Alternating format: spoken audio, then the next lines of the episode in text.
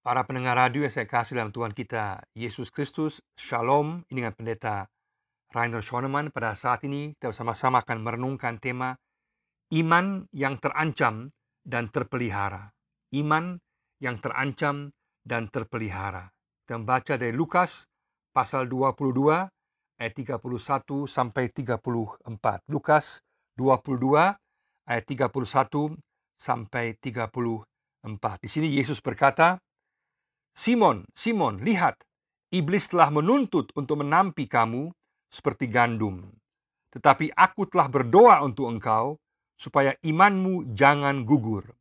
Dan engkau, jikalau engkau sudah insaf, kuatkanlah saudara-saudaramu. Jawab Petrus, Tuhan, aku bersedia masuk penjara dan mati bersama-sama dengan engkau. Tetapi Yesus berkata, Aku berkata kepadamu, Petrus, hari ini ayam tidak akan berkokok sebelum engkau tiga kali menyangkal bahwa engkau mengenal aku. Iman yang terancam dan terpelihara. Petrus adalah seorang rasul Yesus yang luar biasa, dipakai Tuhan luar biasa menjadi pemimpin jemaat dan juga menjadi pembicara pertama pada hari Pentakosta. Dia sungguh-sungguh dipakai Tuhan secara luar biasa dan juga menjadi pahlawan iman yang luar biasa sehingga pada akhirnya kita juga tahu bahwa Petrus mati syahid karena imannya kepada Yesus Kristus. Dia mati dengan disalibkan secara terbalik karena dia mengatakan bahwa dia tidak pantas disalibkan sama seperti Yesus. Dan meskipun Petrus adalah seorang pahlawan iman yang luar biasa, kita juga lihat bahwa juga ada berbagai kegagalan dalam kehidupannya, juga ada berbagai hal yang tidak sesuai dengan kehendak Tuhan, tetapi dia kemudian bangkit kembali dan dia kemudian sungguh-sungguh mengikut Tuhan. Dia telah melihat banyak hal yang luar biasa. Dia telah melihat keajaiban Tuhan yang berjalan di atas air dan juga memanggil dia dan juga melakukan penangkapan ikan yang luar biasa. Dia juga melihat Yesus di gunung kemuliaan. Yesus berbicara dengan Elia, bicara dengan Musa bahwa Allah berbicara dan mengatakan bahwa Yesuslah anak Allah yang dikasihi oleh Allah. Banyak hal yang Petrus tak alami secara luar biasa. Tetapi kendati pun demikian, Petrus pun juga mengalami kegagalan. Dan ada tiga hal yang dapat kita lihat di sini. Tiga hal yang penting yang dapat kita pelajari untuk kita di masa kini ada tiga hal. Yang pertama adalah iman kita dapat mengalami kegagalan. Iman kita dapat mengalami kegagalan. Kita lihat dalam kehidupan Petrus bahwa dia telah menyangkali Yesus tiga kali suatu hal yang sangat parah sebetulnya menyangkali Tuhan Yesus sebagai Tuhannya bahkan mengatakan dia tidak mengenal Tuhan Yesus. Dan sebetulnya dia sungguh-sungguh sangat frustrasi, dia sangat terpukul dan dia merasa tidak layak lagi untuk sungguh-sungguh mengikut Tuhan, tidak layak lagi menjadi pengikut Tuhan. Tetapi dia tetap bertahan, dia tetap kembali dalam persekutuan dengan para murid yang lain dan dia tetap kembali mencari Yesus dan Yesus kemudian juga memulihkan dirinya. Kita lihat di sini bahwa iblis digambarkan di sini bahwa iblis selalu berusaha untuk menjatuhkan kita. Dikatakan sini bahwa iblis sedang menampi, sedang mencobai Petrus. Dan kita pun, setiap orang percaya pun juga akan mengalami pencobaan. Karena iblis akan berusaha untuk menggagalkan hubungan kita dengan Yesus. Karena itulah tujuan daripada iblis. Menggagalkan status kita sebagai anak Allah. Menggagalkan hubungan kita dengan Yesus. Sehingga kita kemudian gagal dan tidak mengikut Yesus dan kemudian menyangkal Yesus dan meninggalkan Yesus. Maka kita pun juga dapat mengalami kegagalan. Kita pun akan dicobai dan kita harus sungguh-sungguh sadar sungguh-sungguh siap bahwa setiap saat kita pun dapat dicobai oleh iblis dan iman kita dapat mengalami kegagalan. Karena iblislah yang ingin menjatuhkan kita. Yang kedua yang sangat penting di sini, Yesus berdoa bagi kita dan membela kita. Inilah berita yang luar biasa indah. Yesus berdoa bagi kita dan membela kita. Itulah hal yang sangat luar biasa dari teks ini bahwa ketika Yesus mengatakan bahwa Petrus akan menyangkali dirinya, bahwa Petrus akan gagal dalam imannya.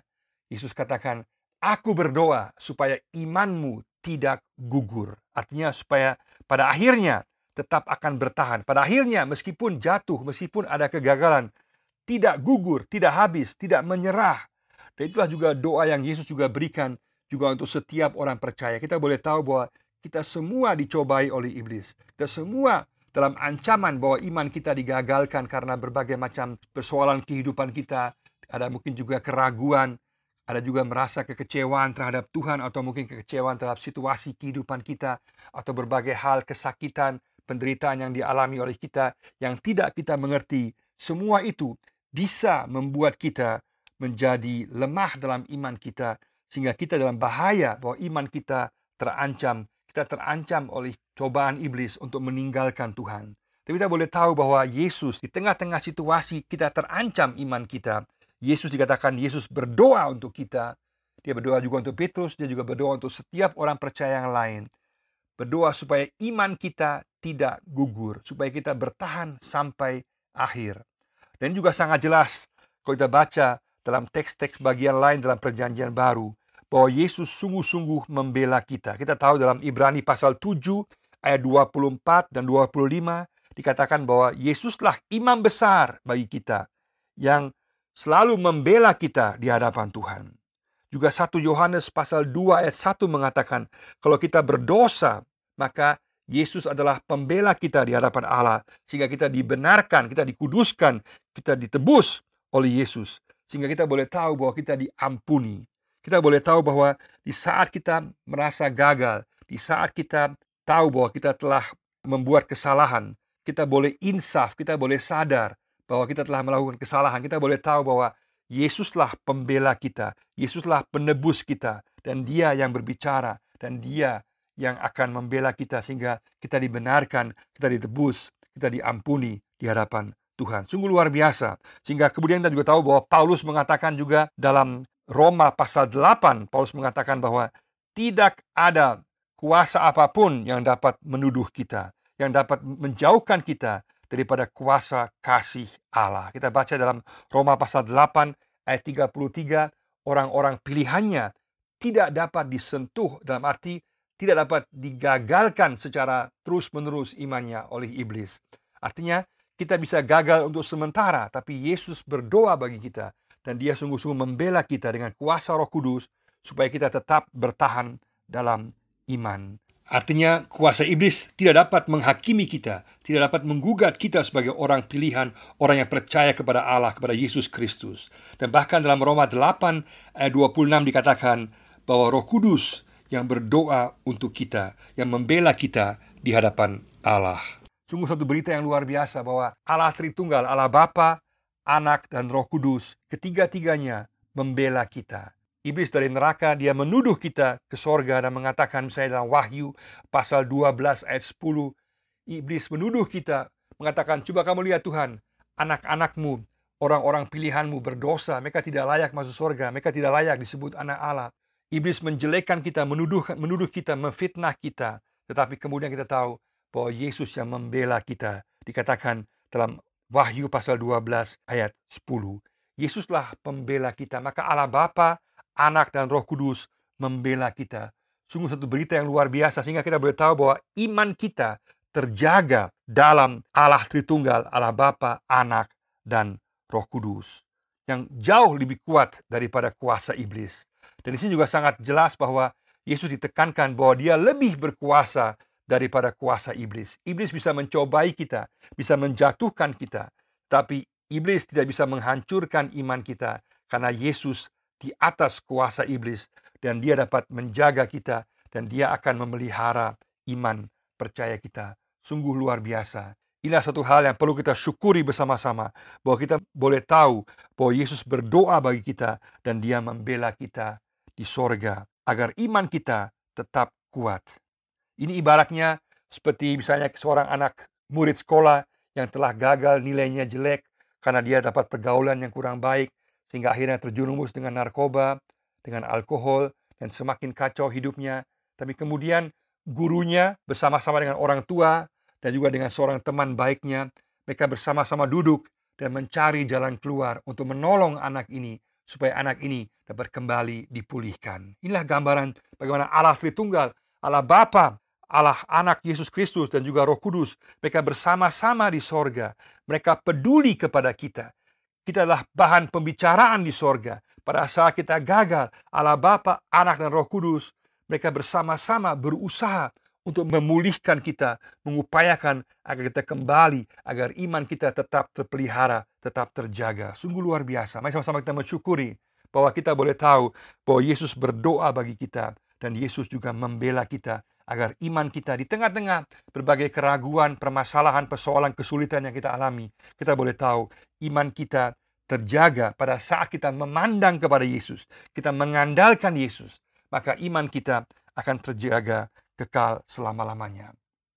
Yang ketiga adalah di sini, prinsip yang ketiga yaitu menjaga iman dan menguatkan teman seiman. Saya ulangi, menjaga iman dan menguatkan teman seiman. Menjaga iman dan menguatkan teman seiman. Di sini Yesus memberikan suatu perintah kepada Petrus pada saat dia telah insaf, maka kemudian dia dipanggil untuk menguatkan teman seimannya. Artinya kita pertama-tama dipanggil juga untuk menjaga iman kita, memelihara iman kita. Artinya kita menjaga hubungan kita dengan Yesus. Karena iman terjadi bukan secara otomatis, bukan secara tradisi, tapi terjadi dengan kita sungguh-sungguh memelihara hubungan kita dengan Yesus.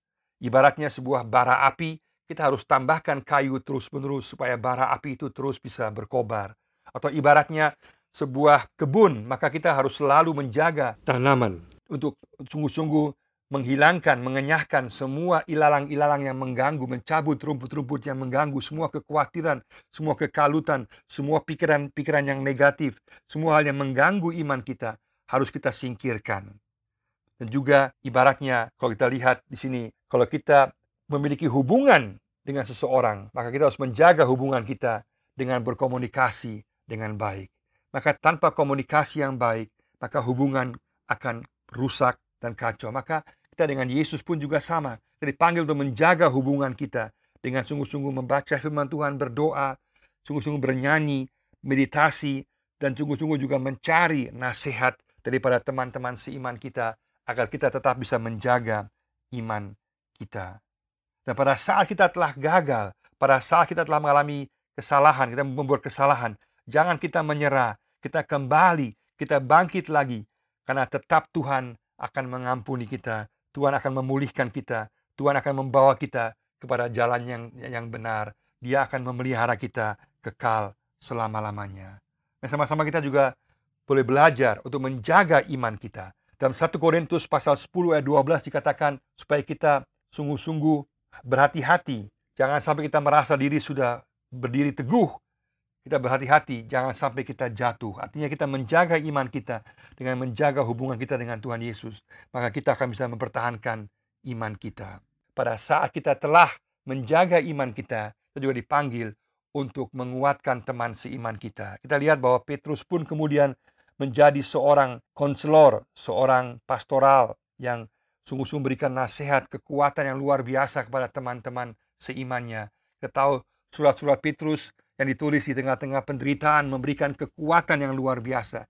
Dia sendiri yang telah mengalami berbagai penderitaan dan kesulitan, dia kemudian dapat menolong orang-orang teman-teman seimannya untuk tetap memelihara iman, menjaga iman, dan tetap memandang kepada Yesus. Mari sama-sama kita pada saat ini kita sungguh-sungguh bersyukur bahwa Yesus berdoa bagi kita. Yesus membela kita.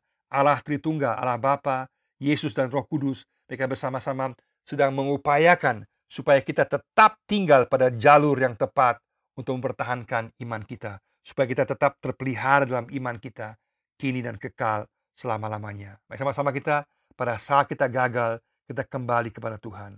Kita sungguh-sungguh mensyukuri bahwa Yesuslah pembela kita, bahwa kuasa iblis dihancurkan oleh kuasa Yesus. Kita telah diampuni dan kita dipanggil untuk sungguh-sungguh menjaga iman kita dan memelihara iman kita dan kemudian juga menguatkan teman-teman seiman kita di tengah-tengah berbagai pergumulan yang tengah mereka alami. Kiranya Tuhan memberkati kita sehingga kita di tengah-tengah situasi iman kita yang terancam karena berbagai macam masalah, berbagai macam keraguan, kita boleh tahu memandang kepada Yesus sehingga iman kita terpelihara dalam hubungan dengan Yesus. Kita boleh tahu bahwa Allah Tritunggal yang menjaga kita kekal selama-lamanya. Dan kita dipanggil untuk kemudian menguatkan teman-teman seiman kita, mereka yang membutuhkan pertolongan, sehingga mereka pun dapat kita berkati dengan kata-kata penguatan, dengan penghiburan, dengan kepastian dari Yesus sendiri yang akan memelihara iman kita kekal selama-lamanya. Kiranya Tuhan memberkati kita semua. Amin.